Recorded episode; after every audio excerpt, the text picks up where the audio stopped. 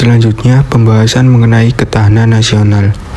Pengertian dari ketahanan nasional bangsa Indonesia adalah kondisi dinamik bangsa Indonesia yang meliputi segenap aspek kehidupan nasional yang terintegrasi.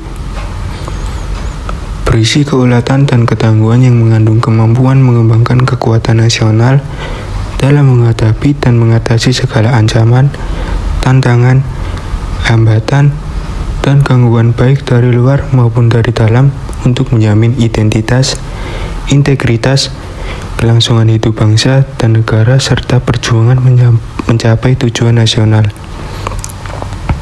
Jadi, ketahanan nasional merupakan kondisi hidup dan kehidupan nasional yang harus senantiasa diwujudkan dan dibina secara terus-menerus serta sinergik. Hal demikian itu dimulai dari lingkungan terkecil yaitu diri pribadi, keluarga, masyarakat, bangsa dan negara dengan modal dasar keulatan dan ketangguhan yang mampu mengembangkan kekuatan nasional. Kelompok kami akan membahas mengenai kasus pelanggaran identitas nasional yang terjadi di lingkungan sekitar.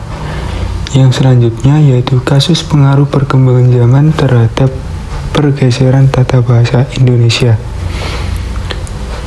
Bahasa Indonesia ialah bahasa yang terpenting di kawasan Republik kita.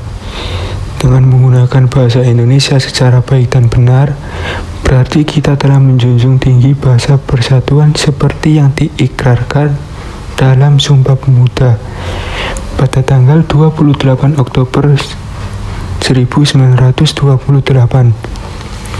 Perubahan bahasa dapat terjadi bukan hanya berupa pengembangan dan perluasan, melainkan berupa kemunduran sejalan dengan perubahan yang dialami masyarakat. Kita sebagai mahasiswa berperan untuk mahasiswa harus bisa menggunakan kata-kata yang digunakan dalam berbicara, agar seseorang dapat mencerminkan kemampuan berpikir dan tingkat kepribadiannya.